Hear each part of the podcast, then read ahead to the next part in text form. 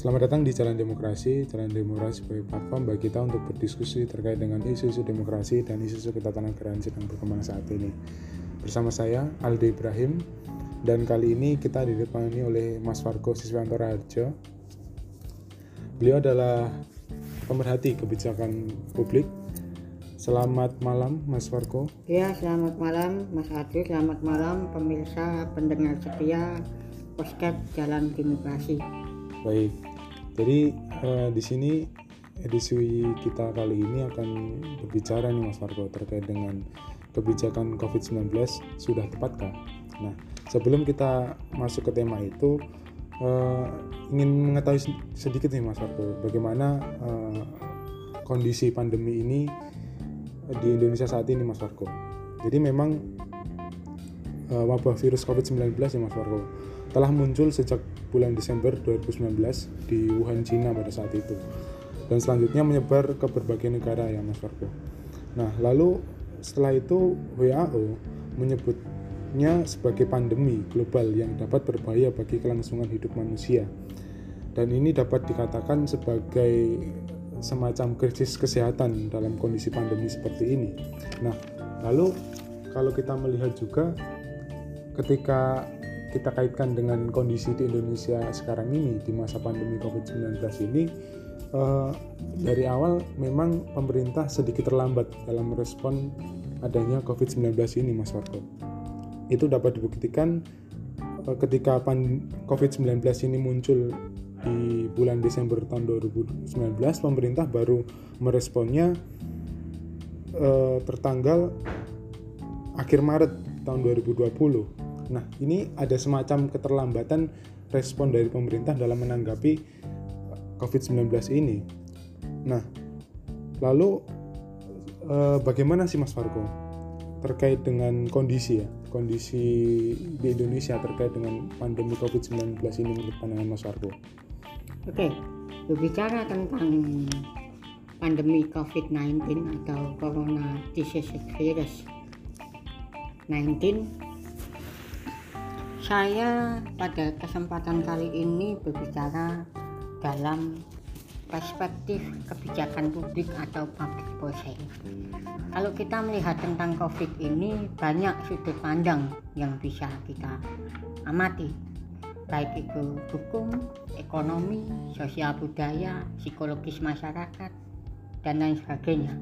Akan tetapi saya akan mengerucutkan dalam perspektif pemahaman kebijakan publik. Apakah sudah tepat atau belum?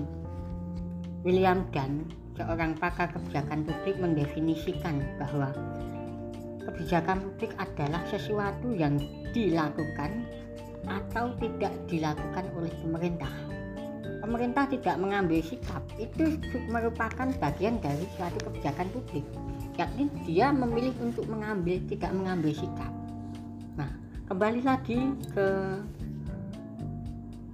covid kita lihat bahwa pada awalnya kita cukup optimis covid tidak akan masuk di Indonesia kan tetapi pada bulan Februari awal tahun 2020 warga negara Jepang terinfeksi di Pulau Bali. Kemudian dengan cepat kasus ini bertambah. Penanganan pemerintah saya melihat ada dua penanganan strategis dan teknis. Strategis itu sifatnya jangka panjang, teknis itu adalah jangka pendek. Kita melihat strategi teknis yang pertama Strategi teknik yang dilakukan oleh pemerintah pusat dan daerah saya melihatnya secara objektif adalah tidak ada kesinambungan. Sebagai contoh, pemerintah pusat tidak menyarankan pemerintah daerah untuk melakukan lockdown. Akan tetapi kita dengar pemerintah Kabupaten Tegal yeah. dan Solo bisa dikatakan semi lockdown waktu yeah. awal-awal itu. Sehingga saya melihat adanya uh, kurang intensivitas komunikasi antara pemerintah pusat dengan pemerintah daerah. Kalau secara realistis dilihat banyak pemerintah daerah dan tidak mungkin pemerintah pusat berkomunikasi secara satu persatu akan tetapi mereka pemerintah pusat bisa mendelegasikan kewenangan kepada gubernur selaku perpanjangan tangan dari pemerintah pusat yang mana menjadi supervisi dari setiap pemerintah kabupaten maupun kota yang ada di yang ada di provinsinya. Nah kuncinya adalah aspek komunikasi itu penting dalam penanganan apa pun persoalan termasuk COVID-19 ini Bahkan COVID-19 dikategorikan sebagai bencana non alam. Pemerintah sudah mengatakan itu. Persoalan berikutnya adalah muncul sebuah tanda tanya dengan case atau kasus yang terus bertambah saat ini sudah mencapai lebih dari 100 ribu jiwa setiap hari diupdate publik memunculkan pertanyaan transparansi dari data tersebut yang kita lihat data tersebut mengalami kenaikan sekian sekian sekian kemudian sembuh sekian meninggal sekian. Justru ini membuat uh, warning panic pada publik atau pada masyarakat itu sendiri. Nah ini perlu diperhatikan bagaimana pemerintah memformulasikan maksudnya baik transparansi informasi. Itu baik akan tetapi informasi yang di, disampaikan itu harus memperhatikan aspek akurasi dan ketepatan. Validasi harus benar. Kemudian uh, data pasien apakah dia mengalami juga penyakit bawaan? Kemudian didiagnosis COVID. Kita tidak dapat pungkiri beberapa media memberitakan itu terutama media independen itu Mas Adu terkait dengan tanggapan saya terhadap COVID. Yang ya. ketiga, terakhir dari segi bantuan. Bantuan penanganan COVID yakni bantuan secara tunai, kemudian bantuan secara sembako atau barang, tingkat ketepatan distribusinya harus diperhatikan karena ketika tingkat pemerintah pusat sudah membu sebagai leading sektor atau sebagai penanggung jawab kebijakan tingkat nasional implementasi di daerah kadang carut marut ada yang harusnya dapat kemudian tidak dapat nah itu mas baik jadi tadi mas Arko melanjutkan tadi uh, pemerintah ketika di sini responnya agak sedikit terlambat dalam menangani pandemi COVID-19 ini kan itu juga termasuk kebijakan ya di situ. Iya. Nah, lantas uh, kebijakan yang responnya itu terlambat itu ternyata membawa dampak yang memang yang memang dapat dikatakan buruk. Hal itu dapat terlihat di data dari yang positif COVID-19 per tanggal 30 Juli 31 Juli 2020 atau hari ini sore tadi tercatat yang positif COVID-19 sudah 108 376 ribu lalu juga yang meninggal 5.131 orang. Nah, jadi kebijakan yang seperti itu malah menyebabkan dampak yang yang begitu luar biasa banyak yang yang positif COVID-19 dan bahkan banyak ribuan yang meninggal. Nah, apakah kebijakan seperti itu sudah tepat, Mas Argo? Oke, saya melihat dari sektor mikro dan makro. Okay. Makro skala besar, mikro skala yang lebih tingkatan lebih kecil yakni di daerah. Saran saya ketika sudah tepat tidak karena kesannya adalah panik. Ketika itu tidak disiapkan jauh-jauh hari ketika sebagai langkah antisipasi. Beda hanya ketika COVID sudah merangga Tiongkok Indonesia sudah memikirkan pilot project pilot policy untuk persiapan antisipasi ketika COVID ini masuk. Mungkin tidak akan carut marut seperti ini. Saya terus terang katakan demikian. Kuncinya satu, berikan delegasi kewenangan kepada pemerintah daerah. Karena kenapa? Yang tahu kondisi sosio masyarakat yang ada adalah pemerintah daerah. Misalkan Papua Maluku, NTT, Bali yang lebih tahu kondisi masyarakat di sana bukan pemerintah pusat. Akan tetapi pemerintah kabupaten kota dan juga pemerintah provinsi yang ada di daerah bersangkutan. Jadi uh, sah-sah saja ketika pemerintah daerah melakukan yang namanya diskresi kebijakan. Kalau di hukum ada yang namanya diskresi hukum, di kebijakan ada yang namanya diskresi kebijakan. Diskresi kebijakan itu adalah mengambil tindakan yang memungkinkan di saat darurat dengan melanggar peraturan. Itu kadang sah-sah saja dilakukan ketika memang keadaan genting. Jadi sangat-sangat uh, tendensius ketika pemerintah pusat memberikan sindiran kepada pemerintah daerah yang tidak melakukan antisipasi sesuai dengan aturan yang ada di pusat. Nanti dulu yang lebih tahu kondisi daerah adalah pemerintah daerah. Jadi sah-sah saja ketika kepala daerah melakukan diskresi kebijakan atau mengambil tindakan yang memungkinkan tanpa harus mempertimbangkan peraturan yang ada di pusat dalam keadaan darurat. Ini kita uh, bicaranya dalam keadaan darurat konteksnya. Itu saya kira itu yang perlu diperhatikan. Oke, okay. baik.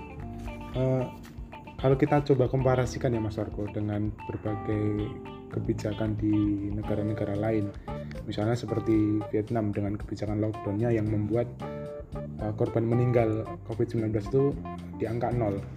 Nah, lalu beberapa negara juga berhasil dalam melaksanakan kebijakan COVID-19 ini. Okay. Nah, namun uh, di Indonesia ini kan uh, semakin hari korbannya semakin bertambah, positif bertambah, meninggal juga bertambah. Nah, uh, sebenarnya kebijakan seperti apa sih Mas Marco yang tepat bagi Indonesia agar bisa seperti negara lain yang memang sukses menangani COVID-19 ini? Satu, kalau kita memberikan perbandingan dengan negara lain, kita perhatikan beberapa aspek. Satu, aspek kedisiplinan masyarakat. Aspek kedisiplinan masyarakat Vietnam, masyarakat Jepang, dan masyarakat kita berbeda saya yakin pemerintah pasti sudah memformulasikan atau merumuskan alternatif untuk melakukan lockdown. Tetapi kita lihat tingkat disiplin masyarakat Indonesia itu sangat rendah. Kita lihat sekarang musim uh, pemerintah menyarankan untuk tingkatkan imunitas sepeda. Angka penjualan sepeda meningkat. Drastis. Harga jutaan sepeda mereka membeli. Tetapi begitu ada bantuan kita ngajukan. Mengaku miskin. Ah kondisi sosial ini berpengaruh terhadap pengambilan keputusan yakni kebijakan publik. Ketika kita diterapkan oke okay, pemerintah melakukan lockdown ada nggak nanti yang menentang? Ada nggak nanti yang masa bodoh? Mengingat jumlah masyarakat kita ada 270 juta kurang lebih. Vietnam ada berapa? Kemudian tingkat ketaatan pada regulasi di Vietnam dan di Indonesia juga berbeda. Di sana orang takut hukum mas. Justru dalam sekup yang kecil mereka pun nggak boleh merokok di Vietnam di tempat-tempat tertentu mereka nggak berani melanggar. Karena memang ada penegasan sanksi yang jelas. Kalau di sini sanksi itu apakah sudah dijalankan dengan baik? Tidak. Sehingga juga berpikir ulang untuk melakukan kebijakan lockdown okay. itu tadi masalah. Sekarang kita bicara fakta dan solusi. Solusinya adalah penerapan sanksi yang memang benar-benar Jangan berbicara soal HAM terlalu dalam ketika kondisi seperti ini. Tahu di India, orang nggak pakai masker, polisi datang, dipukul mulutnya, dipukul bener, pukul mulutnya, kemudian dikasih masker. Kita lihat di beberapa media bahwa hal itu terjadi. Jadi saya melihatnya tegakkan sanksi jika memang uh, ingin efektif karena ketika tidak tingkat kesadaran masyarakat masih rendah terhadap COVID-19 ini dan juga masih ada dinamika yang terjadi sebagai contoh mereka yang menganut uh, teori konspirasi. Yeah. Ah ini menarik sekali. Wah COVID itu enggak ada. COVID ini sempat di Bali ada demonstrasi. Yeah. Ya itu sah-sah saja itu sebagai pendapat publik yeah. kita kita aku itu sebagai sebuah warna demokrasi. Nah, pemerintah sudah siap tidak ketika nanti lockdown kemudian ada gerakan massa yang sedemikian? Itu aja. Iya. Jadi memang sebenarnya kan di sini pemerintah juga sudah mengeluarkan beberapa stimulus-stimulus kebijakan ya Hmm. di masa pandemi COVID-19 ini. Misalnya Presiden memberikan tambahan 50.000 kepada pemegang kartu sembako menjadi totalnya 200.000 per keluarga setiap bulannya. Lalu mempercepat implementasi kartu prakerja yang memang sudah memakan dana itu kurang lebih 10 triliun. Dan pemerintah juga memberikan relaksasi kredit kepada UMKM. Ya. Nah, lalu juga beberapa kebijakan misalnya PSBB eh, pembatasan sosial berskala besar dan beberapa kebijakan lainnya. Nah, kebijakan-kebijakan ini apakah menurut Mas Fargo ini sudah efektif?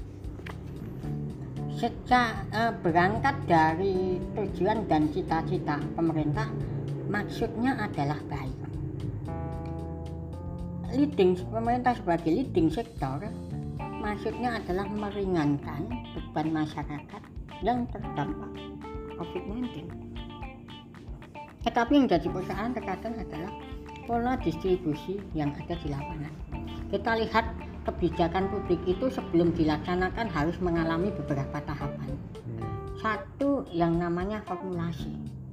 Formulasi itu di dalamnya adalah merumuskan kebijakan publik. Formulasi itu mencakup apa? Di antaranya agenda setting. Agenda setting itu menerima masukan-masukan dari berbagai pihak untuk dirumuskan alternatif kebijakan yang. Oh dari akademisi sarannya seperti ini, oh dari budayawan seperti ini, oh dari LSM seperti ini, oh dari pemerintah daerah seperti ini, oh dari kacamata pengamat ekonomi seperti ini, oh dari kacamata pengamat hukum seperti ini. Mereka merumuskan dari 100 alternatif bisa jadi. Tetapi diprioritaskan yang kira-kira tepat yang mana? Formulasi. Yang kedua adalah implementasi mohon maaf sebelum eh, implementasi ada yang namanya adopsi kebijakan. Adopsi kebijakan adalah mengesahkan kebijakan-kebijakan yang dipilih oleh pemerintah, yakni memberikan bantuan stimulus, kredit eh, lunak, bantuan sembako, kartu prakerja itu dilihat sebagai alternatif yang tepat, maka diadopsi itu untuk menjadi sebuah kebijakan melalui apa Perpres, Permen dan lain sebagainya. Setelah itu implementasi. Persoalannya ada di implementasi atau pelaksana. Karena yang melaksanakan kebijakan publik itu bukan leadernya, bukan leader akan tetapi implementer, yakni para pelaksana. Siapa? Birokrasi. Siapa? Staff. Yang memang rawan permainan adalah di situ. Rawan permainannya ada di situ. Ini menjadikan sebuah persoalan Mas Hastu. Persoalan kebijakan itu terkadang orang atau policy maker lebih sulit menemukan atau menganalisis persoalan daripada merumuskan persoalan atau solusi. Ya sekarang kalau nggali persoalan aja salah, bagaimana memberikan solusi? Ya kan? Itu satu. Yang kedua, persoalan politis ketika para akademisi sebagai tim ahli sudah merumuskan kebijakan ini yang harus dipilih ketika masuk paripurna ketika ini tidak sesuai dengan akomodir dari para politisi bisa saja diubah. Ini persoalannya. Itu mas. Ya. Oke. Berarti kan ka- eh, kita juga melihat kan ketika masa pandemi ini memang dari sektor beberapa sektor ya ada ekonomi, budaya, politik dan lain sebagainya ini juga terdampak eh, akibat dari COVID-19 ini ya Mas Marco. Nah, misalnya di sektor ekonomi nih Mas Marco. Di sektor ekonomi memang pertumbuhan ini agak terhambat bahkan memang diperkirakan menurut para pengamat ekonomi akan mengalami resesi Indonesia ini. Nah, di sisi lain juga eh, terkait dengan kemanusiaan, terkait dengan korban jiwa akibat COVID-19 ini juga semakin hari semakin bertambah. Nah, sebenarnya eh, terkait dengan kebijakan publik dalam penanganan COVID-19 ini lebih difokuskan kepada sektor untuk pertumbuhan ekonomi atau sektor kesehatan kebijakan publik yang sekarang ini. hmm, Itu kan dua sisi yang memang harus harus balance gitu loh, harus seimbang. Iya, harus seimbang gitu. Ini yang mana dulu yang Fargo yang harus diprioritaskan? ibaratnya ketika berbicara disuruh memilih semua harus dipilih. Dan mau tidak mau suka tidak suka kita harus bekerja untuk dua itu. Ibaratnya ekonomi dan kemanusiaan seperti sekeping mata uang yang tidak bisa terlepaskan. Makanya perlu yang namanya kecermatan dalam membaca sebuah persoalan dalam terminologi kebijakan seperti itu untuk merumuskan semuanya apa yang harus di kalau saya boleh menyarankan jangan terlalu publis informasi terkait covid yang menakutkan di media massa. Ini mempengaruhi psikologis masyarakat. Tetapi kita nggak bisa membendung itu karena kebebasan pers bagian dari kebebasan pers tetapi ingat yang namanya pers bebas itu adalah bebas bertanggung jawab dan ini kadang dilupakan oleh teman-teman insan pers nah, banyak tagline di media bersatu melawan corona Indonesia melawan corona dan lain sebagainya. Ayo implementasikan itu. Dengan apa? Dengan program yang strategis dengan action action yang strategis dengan action yang yang, yang matang bukan hanya sebatas tagline. Ekonomi misalkan genjot UMKM bantu UMKM bukan hanya statement di televisi kita kucurkan dana tetapi benar-benar itu dilakukan. Kawan saya pelaku bisnis mas UMKM sangat terdampak. Bahkan informasi nggak dapat. Stimulus ternyata apa? Bantuan sembako. Kalau saya boleh bilang mengatakan kalau bisa jangan hanya bantuan sembako fresh money. Kenapa dengan fresh money? Ketika bantuan itu berupa uang maka perputaran uang akan bergerak. Ketika perputaran uang bergerak angka daya beli masyarakat meningkat. Ketika daya beli masyarakat meningkat permintaan meningkat. Ketika permintaan meningkat ekonomi berputar. Ketika ekonomi berputar ekonomi akan tumbuh. Nah ini yang kadang menjadi lupa mereka bantuan sembako kalau aku menyarankan atau saya menyarankan bantuan bersifat uang. Ya soal itu mau dibuat bayar utang mau buat ini persoalan profesi. Kita nggak bisa me me melarang itu. Setidaknya pemerintah sudah menjalankan fungsi dan tanggung jawabnya untuk memberikan stimulus dana kepada warga masyarakat yang terdampak. Dan ingat data data itu yang sinkron kan kita lihat data BPS data ini. Beda semua. Nah ini yang jadi repot kalau aku boleh menyarankan pemerintah menggunakan data daerah. Karena data daerah saya melihat lebih tepat. Dan ingat juga tataran implementer tingkat bawah pemerintah desa jangan main-main dengan data. Ya ini yang yang sanksinya belum belum tersentuh itu justru dari tingkat ujung tombak pelaksana tingkat bawah RT misalkan atau perangkat desa. Oh ini sedulurku tak lebok nih. Nah, ini kan sebuah persoalan. Capacity itu perlu dalam merumuskan oh ini yang tepat untuk Belanda ini enggak.